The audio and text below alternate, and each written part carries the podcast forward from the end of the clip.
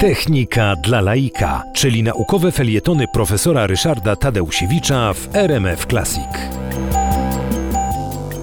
W Europie, wbrew temu, co się powszechnie sądzi, nie Rosja jest tym krajem, który ma najwięcej e, elektrowni atomowych, elektrowni jądrowych. E, Natomiast e, rekordzistką w skali europejskiej jest Francja.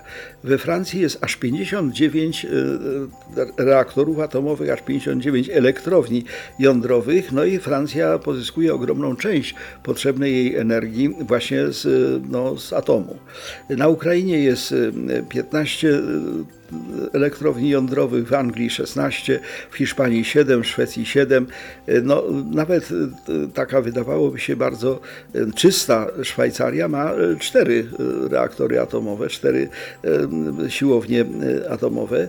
E, Finlandia, Grecja, Węgry mają podobnie. Wobec tego bardzo dużo tych e, elektrowni jądrowych pracuje.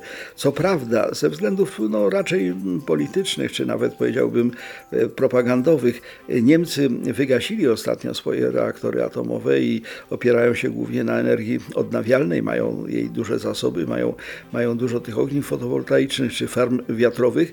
Natomiast generalnie w większości krajów Europy elektrownie jądrowe są.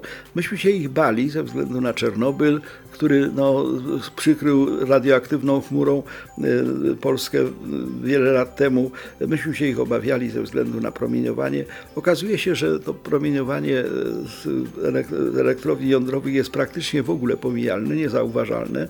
Żadne mierniki nie wyłapują tego. Natomiast rzeczywiście ta energia może być rzeczywiście bazą do wielkiej niezależności. Dlatego, że jak się okazuje, jest no, bardzo wielu dostawców wzbogaconego uranu, y, który może służyć właśnie jako podstawa energetyki jądrowej. Wobec tego no, myślę, że lepiej późno niż wcale. Powinniśmy jednak w Polsce pójść w kierunku tego, żebyśmy mieli swoją energetykę jądrową, bo ona naprawdę uniezależni nas i od gazu, i od węgla, i od niestety no, dosyć kiepskich, jeżeli chodzi o polskie warunki klimatyczne, działań y, tych fotowoltaicznych i y, wiatrowych farm.